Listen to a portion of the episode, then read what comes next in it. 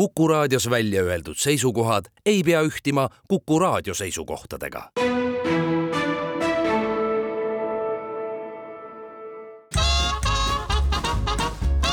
jäljed gloobusel. tere päevast kell on saanud natukene üksteist läbi, on neljapäevane päev, kahekümne esimene september, kui te meid kuulate.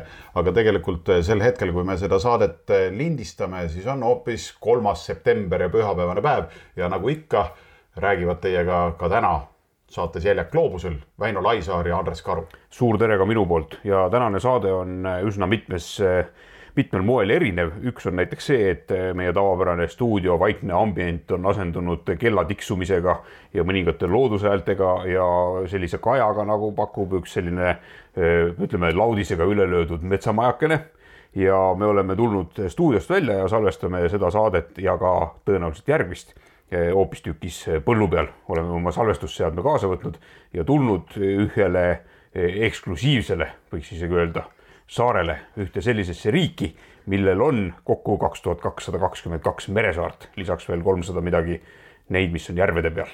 just ja, ja enne veel, kui me ütleme selle koha päriselt välja, siis nendele, kes juhuslikult pole enne lugenud näiteks on ju Kuku kodulehelt, et kuhu me oma reisiga seekord läheme või mujalt sotsiaalmeediast näinud, et kus me käisime, siis äh, hoiame veel pinget ja ütleme nii palju, et et see on tegelikult esimene kord, kui me üldse Väntsiga koos äh, kuhugi nii-öelda äh, matkale oleme läinud. sest äh, siiamaani me, me oleme rääkinud küll paljudest riikidest, kus on käinud nii Vänts kui, kui mina, aga paraku oleme me käinud seal erinevatel aegadel ja täiesti erinevatel põhjustel ja siis, siis seetõttu me, me tõepoolest oleme kahekesi koos ja täiesti ka kahekesi nõnda, et ühtegi kolmandat ega neljandat inimest ka pundis ei ole, me oleme tõesti täiesti esimest korda ja igaks juhuks, et mitte kohe arvamust teisest kui kehvast matkamehest ära rikkuda näiteks, siis me tulime suht lähedale, kust on võimalik ikkagi nagu tahtmise puhul nagu põgeneda, ehk siis need kaks tuhat kakssada kakskümmend kaks saart, meresaart siis on sellises toredas riigis nagu Eesti ja, ja vihjeks olgu veel öeldud, et äh, Tule saarele saa, tule saarele saa äh, on siis see laul, mis on selle saare hümn ja see asub äh, ühe teise suure saare kõrval. Ja kui Karu rääkis siin enne seda, et me tulime lihtsalt kahekesi matkale, siis tõepoolest nii oli, pakkisime seljakotid kokku, sest siia ei saa oma sõidukiga, nagu ka järgmisele saarele, kuhu me siit edasi läheme, ei saa oma sõidukiga. Eh, nii et eh, siin me nüüd oleme, eh, peame tunnistama, et olgugi, et meil on nii-öelda erine, eraldiseisvaid matkakilomeetreid vöö peal päris mitu tükki, tulime me siia ikkagi nagu väikese sellise möödalaskmisega, aga eks me sellest jõuame siis rääkida, kui see aeg kätte on jõudnud. ja ütleme siis otse välja, me oleme Abrukal. Ja, ja Abrukas on selles mõttes mitte Abrukas, vaid Abruka saar on selles mõttes äge koht, et mina olen siin päris esimest korda. Ja Abruka saar kui selline on olnud minu to do listis juba ma ei tea, kui mitu aastat, aga mingil arusaamatul põhjusel äh, ei ole ma siia pihta saanud ja vägisi on selline tunne, nagu öeldakse, et enne kui Pariisi lähed, käi, käi nuustakul ära on ju, et, et nüüd ma olen siis siia Abrukale jõudnud ja, ja olgugi, et ma olen oma elu jooksul üsna mitmetele Eesti saartele sattunud, siis Abruka on mingil põhjusel olnud üks nendest, mis on äh, mind nii-öelda äh, kuidagi nagu eraldi kõnetanud. Ja mina, kuna ma noh, karu olen mina, siis igaks juhuks ütlen, sest äh, aeg-ajalt ikkagi öeldakse, et äh, meie häälte järgi ei tehta päris täpselt vahet, kumb kumb on, on ju. aga noh, lihtsalt kui üks hakkab nagu mingitest mägedest sonima, siis saadakse aru, et see on tõenäoliselt karu ja kui keegi räägib motoriseeritud matkast, siis tõenäoliselt see on Vänts on ju siis tol hetkel. aga mina siis olen Kuressaarest pärit, mis tähendab, et ma tõepoolest kooli ajal sattusin Abrukale. ma tõesti ei mäleta, kui vana ma olin, ma arvan, et ma, oli niisugune kümme kuni kaksteist vanus. Ja siis oli üks põhjus kindlasti, miks siin käidi, oli mingid äh, klassidega väljasõidud, ma ei mäleta, kas siia ööseks jäädi või ei jäädud. igatahes tuldi sellepärast, et äh, siin on täitsa niisugune nagu teistmoodi mets, see on nagu Kesk-Euroopa tüüpi selline lehtmets, kus siis kasvavad sellised äh, noh, tammed, pärnad, saared ja vahtrad ja nad on veidi sellise kummalise kujuga ja nii edasi, onju. ja, ja siis oli tore nagu botaanikatunni nii-öelda äh, õuetunni tarvis tulla siis vahel paadiga, mis tol ajal, kui mina seal noh, see oli siis kaheksakümnendate teine pool, võiks öelda. et siis, kui tulin, tuldi siia, siis ikkagi need olid mingid niisugused suuremad, mitte praamid, vaid siis nagu lihtsalt niisugused lappaja tüüpi suured kalapaadid, millega siis toodi üle. Ei mäleta, et see oleks olnud mingi suurem alus ja, ja siis siin mütati ringi. õrna mälestustki mul ei ole, mul ainukene tuttav asi, kui täna me Väntsiga siin natukene ringi kolistasime saare peale, jalutasime, siis ainukene niisugune tuttavlik motiiv oli üks koht kuskil selle Lehtmetsa all, kus ühel lagendikul oli kõik sõnajalgasid täis. et ma kuidagi seda, et abruka ja sõnajalad, need kuidagi kõlasid minu jaoks kokku, aga mingeid muid mälestusi mingitest hoonetest, millest iganes, absoluutselt need kõik puuduvad mul. vot selline mälestus minul natukene oma esimesest käigust või õigemini mälestuse puudumine.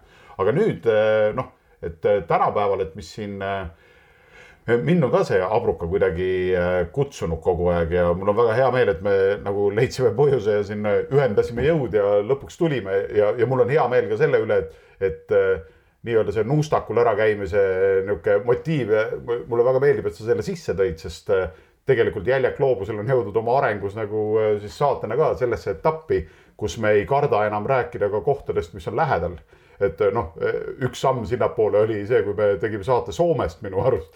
et noh, mis tundub kõigile, et mis, mis sellest Soomest rääkida, aga lõpuks oli kolm saadet rääkida küll ja veel ja ikka oli lõbus. ja, ja siis samamoodi nagu, et miks mitte käia näiteks Eesti erinevates paikades ja ja nagu täna siis on tulnud, Jäljak loobusel Abruka on selle selliseks nii heaks alguseks. ja, ja nagu meil. milline see Abruka on üldse? Abruka ja just faktid. nagu meil tavaks on, on ikkagi mõned faktid ka eh, käia juurde sellele niisama eh, muljetamisele. Eh, siis Liivi lahes asub ja üheksa koma kakskümmend kaheksa ruutkilomeetrit on tema suur ja nagu saarel ikka, on rannajoont omajagu ja Abrukale jagub seda siis kolmekümne koma kolme kilomeetri jagu ja kõrgem tipp, mis kindlasti sind väga liigutab, on siis kaheksa koma üheksa meetrit üle merepinna, on ju, et selle tipu me homme teeme kindlasti ära. elanikke tänasel päeval on siin kuusteist. Aga see pole sugugi kogu aeg niimoodi olnud, näiteks üheksateistkümnenda sajandi lõpus elas saarel sada viiskümmend elanikku ja see oli siis umbes noh, ütleme andmete järgi tuhande üheksasaja kahekümne teisest aastast tuhande üheksasaja kaheksakümne üheksandal aastal oli elanike arv kukkunud kolmekümne kolme peale, kahe tuhande neljandal aastal oli järgi jäänud kolmkümmend ja, ja siis kolmeteistkümnendal jaanuaril kaks tuhat üheksa, kui taas väikest loendust tehti, oligi jäänud elanike järgi kuusteist ja need on siis enam-vähem püsinud siin noh, kuueteistkümnega kuni tänase päevani.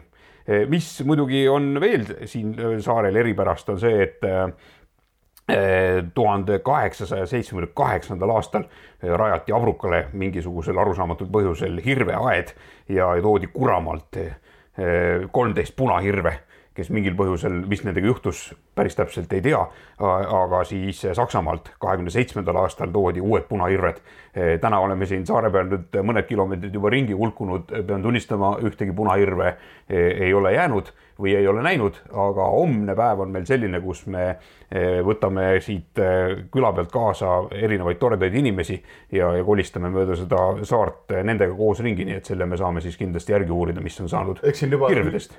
üks vihje, mis hirvede kohta kõlas, oligi see, et kuna nad olid toodud siia väiksele saarele, kus nagu see, et keegi vist neist hirvedest väga ei viitsinud ka üle jää talvel minna Suure saare peale või sealt ei viitsinud keegi ka siia tulla. et siis nad lihtsalt, kuna läksid liiga sugulasteks omavahel, siis lihtsalt see oli ka põhjus, miks nad välja surid ja kuna ka Abruka ei ole siin selles meretükis sugugi üksi, siis ümbritseb teda kuusteist väikesaart, millest suuremad on siis läänes Vahase sinna me plaanime homme minna, sinna tuleb umbes selline peaaegu puusani eh, läbi vee kahlata eh, mõnisada meetrit ja siis me oleme seal kohal. milline see olukord päriselt on, eks siis näitab aeg ja. kusjuures kes... kohalikud mehed juba jõudsid, üks kohalik mees jõudis seal sadama lähedal meid hoiatada, et ega see, et noh, et kui on öeldud nagu puusani vesi näiteks või põlveni vesi siis eh, noh, ikkagi on mõeldud niisuguse keskmise pikkusega mehi, aga meie oleme natuke alla keskmise. nii et meie jalgu vaadates need mehed ütlesid, noh, ütleme siis, et puusani. aga haugidega pidime ettevaatlikud olema. Öeldi, et pigem, pigem jah, ikkagi olge ettevaatlikud. ja siis on siin lähedal veel selline asi nagu Kasselaid ja lõunas on eh, kõlava nimega Linnusitamaa mitte segama, mitte segamini ajada Linnasita saarega, mis on siis eh, Virtsu juures, aga siin on täitsa eraldi sellise nimega Eh, ja. saar ja kusjuures need, kellele meeldib proovida erinevaid põnevaid asju, siis Abrukal asuvad Eesti ainsad uimastava varesputke kasvualad. nii et sedasorti turismi saab ka. tulge pühendama just ei tea täpselt, kuidas seda manustama peaks ja kas üldse peaks, on ju, see, see on nagu iseasi. aga ja ei, kihvt saar jah, ma saan jälle nüüd öelda, et endise nii-öelda Kuressaare poisina Vahase saarel olen ka sattunud korra samamoodi läbi mere jalutanud samal ajal, kui me käisime siis ka Abrukal ja ja Linnusitamaal olen ka käinud ja Linnusitamaale me kunagi läks, läksime siis sõpradega suuskadega üle merejää tõepoolest sõitsime kohale. et kuna Abruka tõesti ei ole, ei ole kaugel äh, Kuressaarest, Roomassaare sadam, mis on Kuressaare külje all, on ju, siis sealt äh, istud praami Abro peale ja poole tunni pärast sa oledki juba Abrukal, mingi seitse kilomeetrit. väga tore kaasaegne praam. ja absoluutselt, ehk siis siia on lihtne tulla ja juba selle poole päeva põhjal, mis me siin oleme olnud, siis kindlasti soovitame kõigile. jäljed gloobusel kuuekümne viies saade sarjast Jäljed gloobusel on teie ees ja lõpuks ometi avastame Eestimaad ja ja oleme sellisel toredal saarel nagu Abruka, mis on Liivi lahes ja Liivi lahe saartest on ta suuruselt kolmas. Küll aga samal positsioonil ei ole ta Eesti saarte hulgas üldse, aga siiski päris ütleme, et kui kaks tuhat kakssada kakskümmend kaks saart on, mida mingil põhjusel Väints jälle teab, on ju peast Eh, sest ta kunagi mõtles, et ta käib kõik saared läbi ja siis, kui numbrit nägi, siis sai aru, et vist ei tasu. igatahes eh, me oleme, aga ta on saar, mis on oma suuruse poolest, poolest ikkagi nagu absoluutses topis ju. ja, ja üheteistkümnes, ütleme, ta on peaaegu see, kes karikat ei saa. Eh, aga noh, asi selleski ja, ja ta on ka selles mõttes tore, tore saar, et ta ei ole siin olnud sugugi mitte nagu eluaeg vaid äh, Abruka saare tekkimise kohta liigub hulganisti erinevaid põnevaid legende ja üks mm. nendest siis nüüd väga üldiselt kokkuvõttes äh, oli siis selline, et kohalik kangelane Suur Tõll, keda ju iga eestlane teab ja tunneb, naine mõnel oli tal Linda, on ju, mõnel on ta number, äh, oli siis käinud Saaremaa nurga peal võõraid laevu passimas ja sattunud paksus metsas hiigelsuure kure peale ja, ja kurg olla selle peale ehmatanud, et Suur Tõll talle peale sattus aga kurg eh, olla olnud nii suur, et kohalikud arvasid, et ta on kuulus. Eh, sellest kuulsusest hoolimata eh, tõusnud kurg lendu ja pannud plagama. Suur tõll vihastanud, võtnud maast suure puu ja visanud kurele mere peale järele ja tabanud.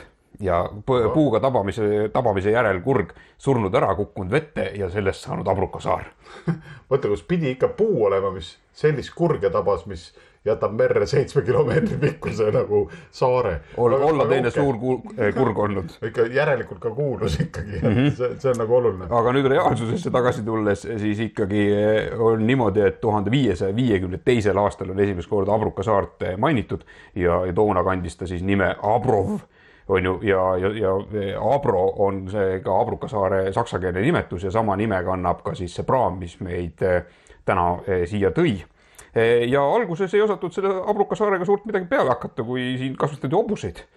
On ju, mm. toodi hobused koos karjustega kevadel siia ja sügisel viidi need tagasi, mis siit, kes, alles olid, kes olid alles jäänud jah, kes selle seikluse olid omadega eh, vastu pidanud. Ja, ja alaline asustus tekkis eh, Abrukale kaheksateistkümnendal sajandil, tuhande seitsmesaja kolmekümne kaheksandal aastal märgitud Abruko Pavli Henrik olla siis esimene mees, kes siin Vaia maasse lõi ja öelnud, et see on nüüd tema maa, on ju. ja, ja, ja peale seda on siia noh, tulnud Vene piirivalvurid ja rajanud siia hulga igasuguseid põnevaid kordoneid ja, ja, ja lasknud siit ka eh, siis sellise merekindlustest suuri mürske mere peale. mitmete oli... kaabertaude. ja see oli väga põnev eh, kaugusühik kaabertau oli jah, selles mõttes on, on siin nagu toimetatud jah, ma saan aru, et mõisnike ajal oli siin siis ka, et oli karjamaad ja heinamaad ja seda siis äh, väga ei tahetudki kuidagi nii-öelda nagu kruntideks maha müüa, sest muidu oleks nagu tõenäoliselt sellest äh, heinamaast, karjamaast nagu natukene vähem alles jäänud. Ja lõpuks oli,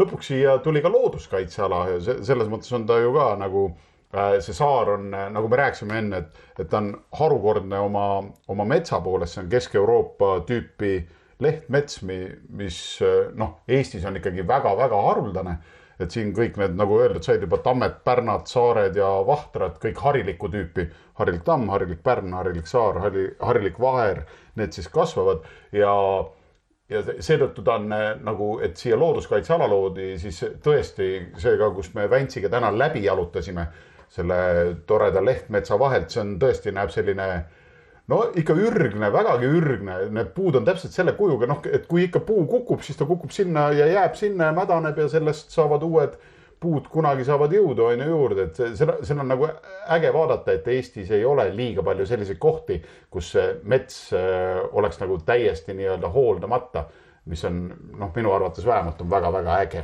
no täna, kui me siit läbi jalutasime, siis ma proovisin enda jaoks lahti mõtestada, et mille poolest see siis nii eriline mets siin on, aga peale nende kõverike jändrike mida siin igal sammul kohtas, ei, ei leidnudki enda jaoks, aga ega ma ka ole mingisugune Eh, loodusteadlane ega, ega metsateadlane.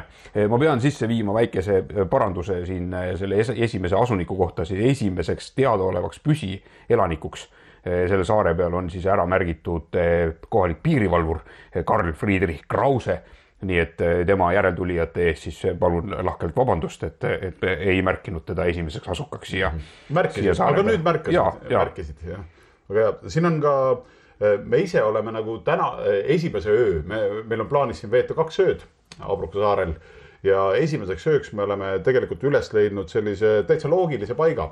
Me oleme Vahtra talus, mis, mille peremees Rein Lember on ühtlasi ka saarevaht see ülesleidmine tähendas põhimõtteliselt seda, et me tulime siia ju lihtsalt nii, et seljakotid olid seljas, astusime laeva peale, laevapilet oli ostetud ja, ja kui sadamast maha astusime, siis oli valge kastikaga mees vastas, ütles, et kuule, hüppage kasti, et ma viin teid kuhugi ära.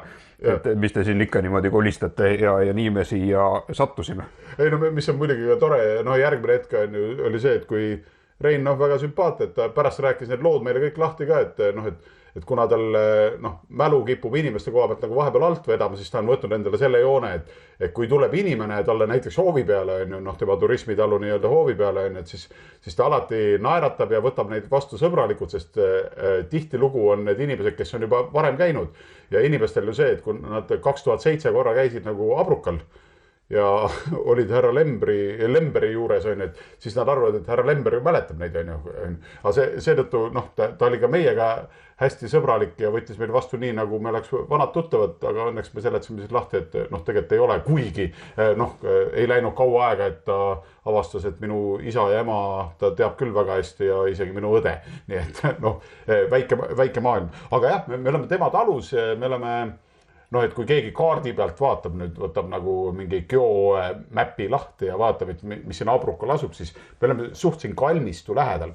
ehk siis eh, noh, sadamast niisugune kilomeetri kaugusel umbes on see, on see Reinu talu ja, ja kalmistu lähedal, see kalmistu iseenesest on selline natuke üle pooleteist sajandi vanune niisugune tuhande kaheksasaja viiekümne teisest aastast äh, esimesed mälestused sellest kalmistust. ja põnev on ta seetõttu, et hästi lihtne, mulle tohutult meeldivad niisugused lihtsad kalmistud. Äh, et kui kellelgi on võimalus, üks soovitus siit ka veel, mis äh, Saaremaale küll korra hüppab, aga kui te Sõrves satute ja tahate näha ühte väga ilusat kalmistut, siis minge Jämaja kalmistule et Jämaja kiriku juurest mere äärde, siis nagu noh, see võiks olla selline koht, kus, kus maetakse piraadid nagu noh, minu mäle-, minu kujutluspildis on see niimoodi, et nagu ristid on täiesti nagu mere taustal, et noh, nagu uhke, uhke koht jama ja, aga siis eh, samamoodi siin see Abruka kalmistu võlus kohe mind sellega, et niisugune lihtne madal puittaed seal ümber ja, ja tegelikult see kalmistu on jaotatud veel kaheks, et eh, üks pool eh, on siis, on siis nagu õigeusu ja teine siis luteri, luteri usku inimeste kalmistu pool, nii et kahe poolega kalmistu ja niisugune väike, lihtne. Ja, ja siin lähedal siis meil on äh, täna siis äh, niisugune ulualune Vahtra talus ja homme me kindlasti ka siis majaperemehe Reinuga siis lähme teeme saare peal väikse tiiru ja kuulame, mis lugusid ta räägib, sest äh, oleme saanud vihjeid, et, et pigem räägib, pigem ikka räägib. ja muidugi anti see vihje ka, et noh, kui veerandit uskuda pidi poolega ikka petta saama. Ja noh, aastaarvudesse ei tasu väga tõsiselt suhtuda, aga noh, eks see homme paistab, ootame igatahes huviga, sest me saame tõesti näha homme praktiliselt tervet saart tema abil. minu meelest oli hästi põnev see, et kohe, kui me siia Abrukale sattusime, õigemini juba laeva peale läksime, eh, hakkasime riburada kohtama erakordselt põnevaid ja toredaid inimesi igasuguste erinevate eh, juttudega. ja, ja nii juba selle praami peal siia sõites kui ka siin kohapeal olles, siis lisaks Reinule puutusime täna kokku Eh, aita nüüd nimega, see. praam või? ei, ei, ei, ei see söögikoha proua. Katrin, Katrin jah kes, kelle küll paraku, kuna hooaeg oli läbi saanud, meile midagi süüa polnud pakkuda. aga oli valmis meile teisipäeva hommikul tegema hommikusööki, enne kui me praami peale läheme. ja, ja tema on üks selline naisterahvas, kes on Tallinna tolmu pühkinud jalgade pealt ja tulnud siia Abrukale elama. nii et me proovime temaga mikrofoni otsa siin ühel ilusal hetkel saada ja, ja siis selle saare peal, kuhu me homme läbi mere sumama hakkame, elab üks sedasorti taat, kaheksakümne kolme aastane, kellel vitaalsust rohkem kui arst lubab. nii et kuulame ära siis ka, mida tal rääkida on. jah, Arvi on tema nimi, Arvi Prei ja, ja nii tore oli ka see, et kui me nagu Katriniga seal nii-öelda juba suletud kohviku juures suhtlesime, siis kui selgu-, kui ta teada sai, et me lähme homme, lähme siis Arvile külla Vahase saarele, siis kohe sellele anti meile kaasa üks purk äh, et viige see, see, mis see siis oli? pipromoosi. pipromoosi nii-öelda jah, et tšillimoosi viige siis ka, et meie poolt ka siis Arvile tervitustega, et noh, niisugune täiesti niisugune kerged niisugused naturaalmajanduse ja kõik niisugused äh, värgid. kusjuures me saime ju, e-, eks me oleme vastu pead juba ka saanud oma selle eest, et sa tuled väikse saare peale, vaatad, et ahah, kohvik on sadamas ja mitu, mitu nagu noh, turismitalu, et noh, ju ega siin söögiga ju probleemi ei ole ja siis tuleb kohale, noh, Reinu esimene küsimus oli küll kohe see, et te süüa võtsite kaasa või? me ütlesime ei, ta ütles ahah, no selge. ma jah, olgu, et aga küll saame hakkama ja, ja ta ütles, et kui me peaks olema need, kes surevad nälga, siis eh, me teeme sellega ajalugu, sest siiamaani teadaolevalt ei ole Abrukal mitte ükski inimene nälga surnud, aga eks me siis eh, saame Reinuga juba homme pikemalt rääkida kõiki Abruka lugusid. ja, ja Rein ütles tänase päeva kõige toredama lause ka, ütles, et te olete küll väga toredad ja kihvtid inimesed, aga plaanivälised. aga küll me saame hakkama. jäljed gloobusel. nüüd on uus päev ja me oleme, me oleme täiesti siin Abruka sadama kai peal. Herr Lember on meil kõrval, saarevaht. tervist. tere. noh sa oled nagu sellised, äh, sellised ringijõlkujad nagu meie, selliseid satub siia saarele palju või? piisavalt palju, aga mm, Abruku on jälle küllaltki suur, et äh, teiesuguseid häid külalisi mahuks siia kordades rohkem ära, nii et tere tulemast Abrukule ja tead, sellest suurusest ma tahtsingi rääkida, eh, igal pool on kirjas, et Abrukul elab kuusteist inimest, aga kui me siin eile ringi jalutasime, siis siin elamisi, majapidamisi, erinevaid suvilaid on eh, ikkagi meeletus koguses, et see kuusteist ei ole ju päris õige. no ja ei, me oleme siin jõukad inimesed, meil on igamehel siin neli kinnistut ja me oleme ära jaganud need eh, kuueteistkümne inimese vahel need siin Äh, võiks äh, kõlada nagu naljana, aga tegelikult on meid siin kordades rohkem. Te kunagi kindlasti vastasid need andmed, äh, mis puudutab kuuteteist elanikku ka tõele, võib-olla, et arvan mina. aga antud ajahetkel, lähtudes nendest andmetest, mis minu kätte on jõudnud, nüüd on ju kõik isikuandmed salastatud, on meil siin nelja, viie, nelikümmend viis, viiskümmend inimest, need on sissekirjutuse järgi elavad kui me hakkame seda nagu lahti mõtestama, seda elanike arvu, siis, siis äh, talvel olenevalt jälle olukorrast ja aastaajast on tavalisel argipäevasel päeval meid võime kokku lugeda siin kümme, viisteist, võib-olla ka kakskümmend inimest. aga nädalavahetusel see arv kindlasti äh, kahekordistub, kui mitte rohkem aga mis need inimesed siin teevad üldse või need, kes aastaringselt siin on, kas kõik on nagu, vaata paljude saarte puhul me oleme Väntsiga ka aru saanud, et on see, et hästi paljudel on ka sotsiaalne on ju töökoht on ju, et nad ja. teevadki midagi nii-öelda riigi, riigi palgal on kõik ja teevad mingeid asju ja vabatahtlikkust ja kõike seda muud lisaks veel, et kas, kas Abrukal on samamoodi või? no üldiselt, kui äh, päris ausalt sulle vastata, siis tegelikult me elame siin vastus küsimusele, mis me siin teeme. see on meie kodupaik ja me elame ja, ja nojah, kõik see jutt, mis ma teil siin pajatan, need on, see on minu nägemus maailma elust, sealhulgas ka abrukast ja abruka asjadest ja inimestest. Ja ja üks, mida ma siiralt usun ja väidan, et, et töö pole maailmast kuhugi kadunud, töö pole otsa saanud, inimene ja töö tulevad lihtsalt kokku viia ja ja küll siis leiab tegevust ja see ka mitte midagi tegemine. Fred Jussi ütles kunagi, et kõige parem ja kõige tänuväärsem tegevus on molutamine mm. -hmm. aga vot Abrukas ei ole sinnamaani veel jõudnud, ma ei ole kohanud ühtegi inimest, kes lihtsalt niisama molutaks ehk jõude seisaks ja mitte midagi teha ei oleks, meil on siin hommikust õhtuni kogu aeg midagi teha. aga mis põhiline, meil on äh, tänu siis ma ei tea, vallale, riigile ja kõigile teistele otsustajatele, meil on olemas kiire internet, et ajalooürikutes on kirjas, et eh, kaks korda on selle saare peale toodud punahirvi. me oleme siin nüüd natuke aega ringi jalutanud, ei ole näinud mitte ühtegi, kui kahes korras metsas on üks mingisugused püünised üleval, mis on saanud mm. nendest hirvedest ja kes siin saare peal elab üldse? no tuleks jälle alguse juurde tagasi saare peal elavad abruga inimesed, äh, aga nendega, nende elu teevad värvikamaks metsloomad ja linnud, kes meil siin, kellega me seda saart jagame ja tõsi jah, on nii, et äh, punahirved toodi, ma võin, ma võin eksida, aga minu meelest toodi punahirved esimese Eesti Vabariigi aegu kusagil sellel kandis.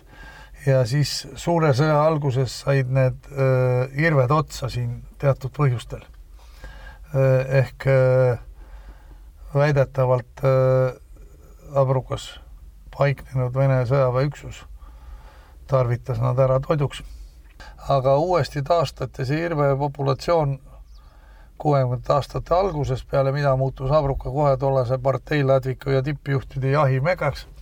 aga see on juba eraldi teema ja äh, vajab pikemat käsitlemist ja aga siis äh, me nägime mingeid püüniseid tee ääres. püünised siin... jaa, püünised on nii, et äh, püünistega me püüame siin ilvest. aga äh, ma räägiks teile sadamast Abrukas on olemas väidetavalt kolm erinevat sadamakohta. üks on see uus sadam, kus me hetkel viibime. sellele tegelikult panid väidetavalt jälle, vot mina ei ole ise oma silmaga näinud, aga aluse Vene sõjaväelased kolmekümne üheksanda aasta baaside lepinguga toodi Abrukale üks rannakaitseüksus, kes rajas Abruka lõuna tippu rannakaitsepatarei, aga kohalik rahvas juba mõisaajast või kaugemalt veel äh, kasutas Abruka lääne küljel olevat sadamat, Vana-Vesija sadamat, äh, ja mis toimis ka nii reisi kui ka kalapüügisadamana. vanad targad inimesed ütlevad, et Abruka põhjatipus, kus neem ulatub pikalt Saaremaa poole välja, sealt on muideks linnulennult neli kilomeetrit Roomassaarde, et seal olla ka kunagi sadam olnud. me elame siin sadama kohviku juures. Ajaloolised on kulgenud, kujunenud nii, et Abruka küla paikneb Abruka põhjatipus. see mm. hoone siin on siis meil sadama kohvik ja siin majas paikneb ka Abruka raamatukogu, mina väidan kogu aeg, et see on Äh, Eesti üks väiksemaid, kui mitte kõige väiksem ametlikel alustel toimetav raamatukogu selle põrandapinna suuruseks, kus need väljapanekud on kõik raamatud ja muud targad ürikud on välja pandud, on kas neliteist või kuusteist ruutmeetrit, nii et ja no proportsioonid on paigas ju siis võrreldes saare suurusega. ikka, ikka ja, ja äh, Avruku raamatukogu tähistas kas üheksakümne viiendat aastapäeva sel aastal mm -hmm. abrukase tulekuks ja mingit erilist luba ei pidanud olema, kui sa juba Saaremaal olid ja siis eelduseks oli selle, et sul on piiritsooni luba olemas ja aga sadamates, mis olid laevatatavad sadamad, oli kohustus, toonane võim.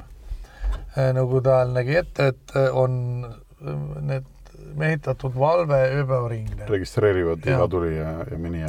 ja, ja, ja eks see päästis nii mõnegi heas mõttes mõnegi eksituse, vot aed, millel okastraat peal, läks merre, mereni, sealt sa tulid trepist üles, läksid sellest uksest sisse, noh nüüd on ta ümber ehitatud, aga uks, ukse koht oli sama. Ja alati eh, sa ei saanud muidu, sa pidid Vahimäest läbi käima, siin oli ööpäevaringne valve. kui Abruka inimesed läksid linna, noh, siis kutsuti seda postipaadiks, liinilaeva või mis ta sõitis no tegid oma toimetused, käisid poes, kuskil vallamajas või, või külanõukogus või arsti juures või tavatoimetus, mis iganes. ja kui siis äh, õhtul tagasi tuldi, siis äh, istuti paati ja räägiti uudiseid ja, ja sädistamist oli kui palju mm. -hmm. meestel oma äh, rõõm, rõõmuhetked seal ja naistel jälle enda omad ja, ja keegi ei pannudki tähele, et kui seal paadi peal istus mõni võõras nägu, pööratud tähelepanu, aga see võõras nägu sattus nii, ta tuli Roomasse sadamasse eh, tahtis tead minna Ruhnu või Kihnu või vaatas, laev läheb, inimesed lähevad peale, ju sellega saab ja rääkisid ka. ja kui ta siia tuli, siis sadamavaht küsis, et puhtast niisugusest siirast uudishimust, et tea, kelle juurde te ka lähete, siis see ütles Mali või Juuli või, ei, meil pelas ju niisugust. siis vastus oli kohe, et küsimus, vastu küsimus, et kas see polegi Kihnu või, kas see polegi Ruhnu või mm. -hmm. Ja siis ei ole, siis tuli paar päeva siin nagu passida. passida, jah. räägi seda, mida, millist ametit peab äh, saarevaht pidama või kes ta on siin saare peal? saarevaht on äh, riigivõimu käepikendus igas valdkonnas, igas, iga ametkonna niisugune äh, abimees siin saare peal. Kui vaja, siis äh, kehastub saarevaht äh, meditsiinitöötajaks, kui vaja, siis päästjaks, kui vaja, siis keskkonnaametnikuks ja kui tungiv nõudlus on siis ka politseinikuks ja, ja mis aga riigis on välja mõeldud, et presidendi ja peaministri ja, ja valitsusliikmete funktsiooni just ei tule täita, aga ülejäänud siuksed lihtsamad ja ongi hea, siis ei, lähevad skandaalid rohkem mööda muust üldiselt on raske keelduda, kui su poole pöördutakse äh, abi saamiseks millekski mingis küsimuses ja ja väga raske on piiritleda, kus, kas see on su siis töökohustus või, või või on see no kuidas inimene tuleb, palub abi või ütleb, et uss nõelas no. Mm. -hmm. siis sa kehastud kohe meditsiinitöötajaks ja. kas see Saareväe amet on vahepeal nagu, läheb tüütuks ka või? siiani ei ole läinud, ma ei tea veel, mis ta kahekümne aasta pärast või, või, või viiekümne aasta pärast, ma loodan, et siis mul ei tule seda ametit enam pidada. sünniaasta nõuab oma.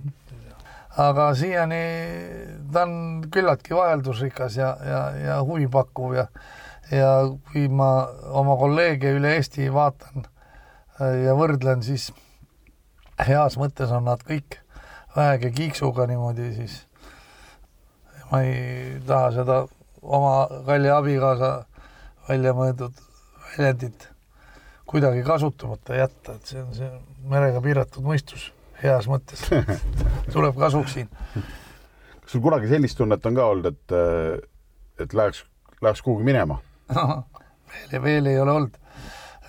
ja ma loodan, et niipea ei tule ka ma ei tea, kas see jääb igavesest ajast igavesti nii, aga hetkel ma näen küll oma elu siin ja kusagil maal. mis muidugi ei tähenda seda, et siis sa kuidagi oled sunnismaine, et sa ei pääse siit ära, vastupidi, tuleb aeg-ajalt ka käida, käia ja vaadata, kuidas maailmas elatakse ja ennast tuulutada ja, ja muljeid ammutada muu maailma eluolu kohta, siis sa saad aru, kui hästi tegelikult meil Eestis elu läheb ja sealhulgas ka Abrukas jäljed gloobusel. nüüd me oleme jõudnud sellise kohaliku väikeste pattude kiriku juurde sellise. ja see on meie värske, verivärske ehk puidulõhnaline veel äh, Maarja kabel, mis äh, hiljuti pandi püsti ja viieteistkümnendal augustil käis peapiiskop Piilmaa teda siin sisse õnnistamas Äh, aga me pääseme sinna sisse ka. Äh, tarvitseb ainult uks lahti teha, riiv lahti lükata. sama lihtsalt see asi käib ja on avatud ja kõik võivad sisse astuda. viiekümne kaheksandal aastal lasi toonane Nõukogude võim, Abrukas oli palvemaja olemas, aga see lasti ära lammutada. asja initsiaatoriks on meil siin selle selle kõrval oleva talu, Paju talu peremees, Tartu vaimulik äh,, Ants Tooming. eks teda aitasid siin ka, meil on niisugune tore vennaskond nagu templirüütlid Eestis olemas.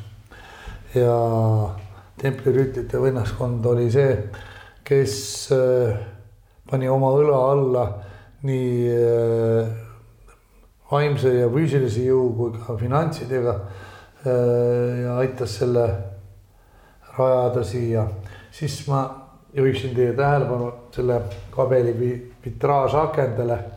Nad ei ole niisama ilusaks värvitud, üks Saaremaa klaasikunstnik maalis need. see siin kajastab siis talvemotiivi, siin on kevad, siin on suvi ja siin sügis. vot nii. ma ei ole sellises äh, pühakojas käinudki, kus tõesti nii äh, noh, astud sisse see puidulõhn on kõik mõnusalt täis, ta on nii värske. tõesti, kes, kes saab, tulge, tulge vaatama neid.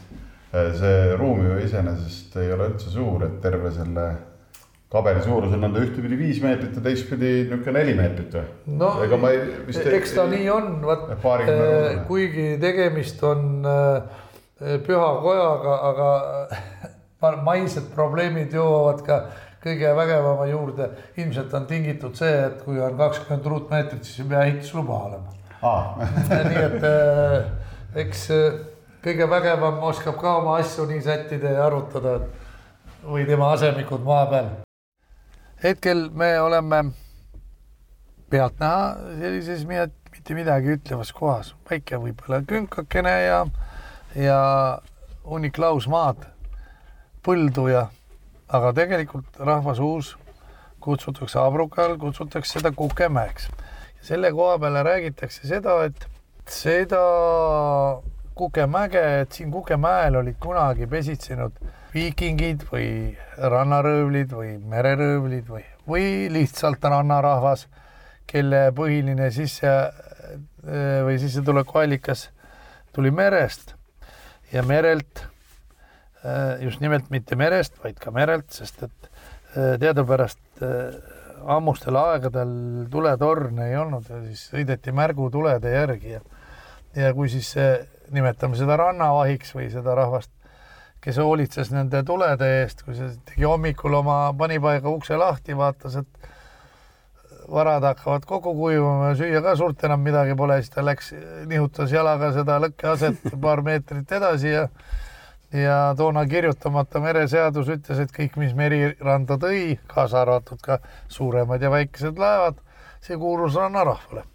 no ajaloolist väidet, et Abrukal oleks niimoodi tegutsetud mustvalgelt me ei saa välja lugeda kusagil, aga äh, teadupärast ju Hiiumaal suisa seal mõisniku või paruni või kelle juhtimisel tegutseti. ja niimoodi ja. vandiraiujad. Saaremaal ja kihelkonnamehi kutsutakse siiani vandiraiujateks. kihelkonnamehed olid kirikus ka käinud kirves öö peal, et, et pole aega kirve järgi koju minna, et äh, vande läbi raiuda, et kui purjekas laeva tuli. siis räägitakse veel, et et Kukemäelt siit pidi minema salakäik mere alt läbi. ja ei tule. Kuressaare lossi või? ja just ja, nimelt, ei tule välja turu peal kusagil tualeti taga seal äh, Kemmergu taga, vaid ikka kohe auväärses kohas Kuressaare lossis, piiskopi lossis. nii et äh, meil on olemas oma püsiühendus ja siis räägitakse veel, et Abrukus on mitmes kohas peidus mereröövlite varandus no vot skeptikud ütlevad selle kohta, et et seda räägitakse, oh iga väike saare kohta. no aga paljudest hädadest, mis mul on, on see, et ma olen paadunud optimist ja aga siis arvan mina jälle, et miks ka mitte, et miks ei või see varandus siis meil peidus olla ja suisa kaks. et kui sa nüüd mõttes kehastad ennast korra mereröövliks ja võtad need aastasajad tagasi, siis miks ma pean siit aerutama või purjetama siit Abruka alt äh, Virtsu ja siis hiilides minema Otepääle ja kuskil Küngaste mael maha matma oma kirstu, et ma tulen Abrukale, vaatan, kedagi kodus pole, piiskopi mehi kodus pole, matan oma kirstu siia maha, lootuses, et äh, mingi aeg tulen kaevan ta uuesti üles. See on nii tore, kuidas sa räägid Kukemäest, aga kui ma vaatan siit äh, ümberringi, siis kolmsada kuuskümmend kraadi on täiesti lauskmaa nii et tuleb rõõmus olla selle üle, mis sul on, meil kõrgemat pole. me rõõmustame selle mäe üle. nõnna, me oleme nüüd äh, jõudnud äh, peaaegu saare põhjatippu ja siin on kuulus helisev kivi, mida koputades äh, saab soovida soove, mis siis järgmisel hommikul pidid täide minema. Mm, jah, nende soovidega peab ettevaatlik olema, nendel on tõesti omane täide minna ja kivi, helisev kivi sellepärast, et kui sa siia pihta koputad, siis ta jätab või oma kõlalt sellise mulje, nagu oleks eest tühi või kui vastu raudteereltsi lööd. nii ta kõlab. ja kõik su salasoovid, mis sa selle koputamise ette või taha oskad välja mõelda nendel on omane täide saada, need. ma saadan ka ühe soovi teile. no pane. Läks. Aga palju peab koputama, kas siin on ka mingisugune no, vahe? see oleneb, kui hea koputaja sa oled, kui sa koputamiskogemused ulatuvad aastate taha, siis piisab ühest koputamisest küll. nägid no,? nüüd jääme ootama. nüüd jääd ja soovi ootama no,, täitumist ootama. koputaja kivi on kohe sinna oma pesas olemas, et siis on hea tulla ja me küll kutsume, kutsume seda helisevaks või soovide kiviks rohkem no eks ongi teie. igal koputajal oli oma kivi muidugi, võis arvata, aga ärkamatult oleme jõudnud siia Abruka lääne kaldale, taamalt paistab Sõrve poolsaar, Saaremaa. Need hooned, majad, mis on kas päris uued või taastatud, need on kõik meie uusasukate poolt rajatud ja aga need uusasukad, kes Abrukale tulevad, nende üle me võime ainult rõõmu tunda. ja eriti hea on siin näidata need samad, kes on rajanud need majad siia ümberringi. samad mehed mõni aasta tagasi äh, Seltsimäe juures tegime talgut, tuleb üks seltskond noori inimesi, no circa kahekümne viie aastased tol hetkel. ja soovisid jõudu tööle, ma ütlesin, et no tänud, tänud, aga abi oleks parem muidugi ja mehed ütlesid, ja naised muuseas ka, tütarlapsed, milles küsimus, viskasid vatid maha, võtsid labidad ja read ja läks kohe suureks tööks ja ja nelja tunni möödudes siis me ühtse laua taga suppi sõime, ühise laua taga, siis ma küsisin, et et oli asja ka Abrukale või käitegi ühe saare pealt teise peale, vaatate, mis saab ära teha. siis ei, ei, nad tulid vaatama, et siin üks maa pidi müügis olema. sellise suhtumisega on nad äh, läbi nende aastate mm, toimetanud siin saare peal, ühesõnaga nemad ei ole tulnud Abruku saarele äh, oma seadusi kehtestama, nad ei tulnud võõrasse liivakasti oma seadustega. vastupidi, nad austavad kohalikke tavasid ja kombeid ja, ja mitte ainult nemad, vaid kõik meie uusasukad on sellise suhtumisega saarele tulnud ja loomulikult võetakse nad siin siis omaks vot selline see Abruk on, igasuguseid lugusid on tema kohta, et ja nagu meile tavaks saab, ega me ei mahu enamasti ühte saatesse ära oma lugudega. huvitav on jah see, et väikesel saarel on nii palju lugusid ja nii palju erinevaid inimesi, kelle juurde me veel jõuame ja, ja kellega me oleme plaaninud rääkida nii et midagi pole teha, tuleb siia tõmmata väike joon vahele ja kohtuda siis taas juba järgmisel nädalal järjekordsete abruka juttudega mm.. aitäh teile ja nagu ikka, olid mikrofonide taga Väino Laisaar ja Andres Karu. tore, et kuulate ja püsige avarad või siis abrukal. jäljed gloobusel